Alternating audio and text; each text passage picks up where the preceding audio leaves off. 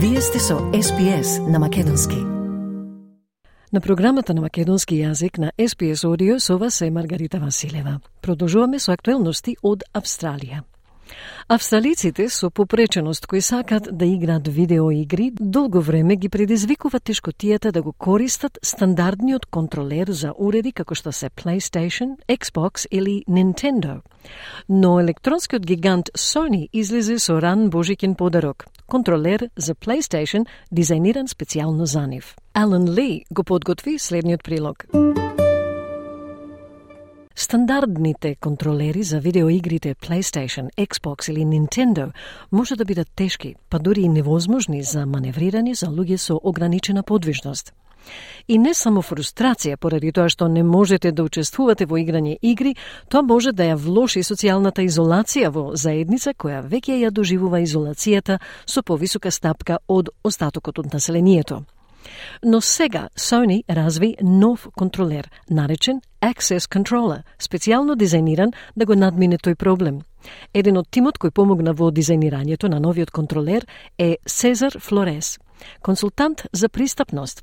Самиот тој има попреченост и вели дека опремата што е достапна во повеќето случаи е медицинска. Но ова е различно, вели тој, и му дозволува да прави само терапија. And it just allows me to do self-therapy, right?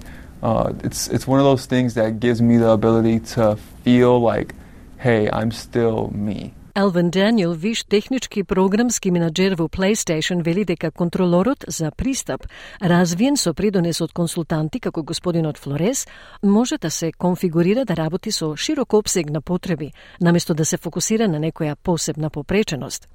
Тој вели не мора да ја држите контролата за да ја користите. Дизајниран е да лежи рамно на маса, на инвалидска количка или на даска за скут. Може да се монтира со многу различни опции и полесно е притискањето на копчињата. Има многу различни капачиња за копчиња во различни големини и форми и може физички да се реконфигурира контролерот. Сите копчиња се организирани во еден ред така што нема скриени копчиња, а трето, ако користите два контролери за пристап, на пример функцијата со заедничка употреба, можете да ги одвоите палците колку што е можно поблиску, има различни нивоа, различни висини и многу поголема способност за повторно позиционирање на палците, вели Даниел. First of all, you don't have to hold the control to use it. It's designed to lay flat on a table, a wheelchair tray, on a lapboard. board. Um, it can be mounted uh, with a lot of different uh, mounting options, uh, tripods, for example. Uh, the second principle is we make it much easier to press the buttons.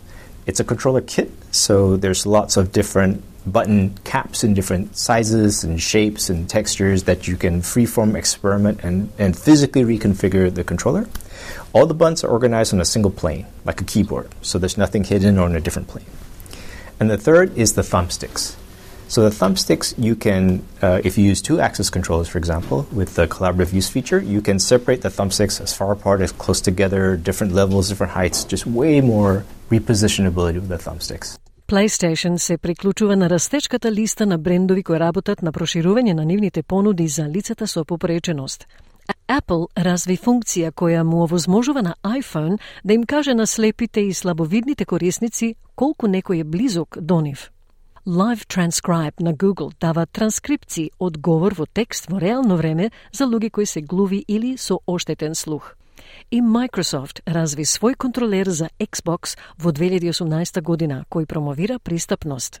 И друг консултант за пристапност на PlayStation, Пол Лейн, вели дека новиот контролер буквално ја менува играта. But to be able to have this come out of the box and, and work, and it, and it looks like a controller. You know, you have you have the stick, you have the the different buttons. The button sizes are really huge. Um, I game with the side of my hands, and my hands are pretty big. So me being able to space off the buttons, I'll be able to press uh, the buttons in a way where I'm not hitting two buttons at a time. Тој вели дека ова се однесува на многу поширок проблем отколку едноставно можноста за играње видеоигри. Тој вели колку повеќе ни одземате, толку поизолирани стануваме Имајќи го на располагање играњето со можност за играње на многу високо ниво, дава чувство на повторно обединување со близок придружник, кого сте го изгубиле и сега повторно се соединувате со таа личност, вели Лейн. So the more you take away from us, the more isolated we become.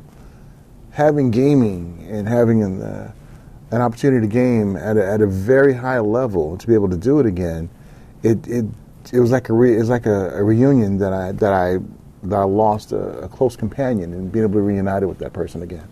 Геймерите со попреченост како господинот Лейн и господинот Флорес соработуваат со сони веќе пет години на развивање на контролер за пристап. Господинот Флорес вели дека тоа е производ на придонесот на многу луѓе со многу различни проблеми и веројатно најголемиот подарок после долго време. Нивниот придонес може да се види во секој аспект од овој производ, вели Флорес. Probably the greatest gift that I've been given in a long time. The reason being is my fingerprint, and along with everyone else who's part of this, our fingerprints are all over this. Новиот контролер започнува да се продава во Австралија и ширум светот од 6 декември. А за SBS News прилогот го подготви Елен Ли.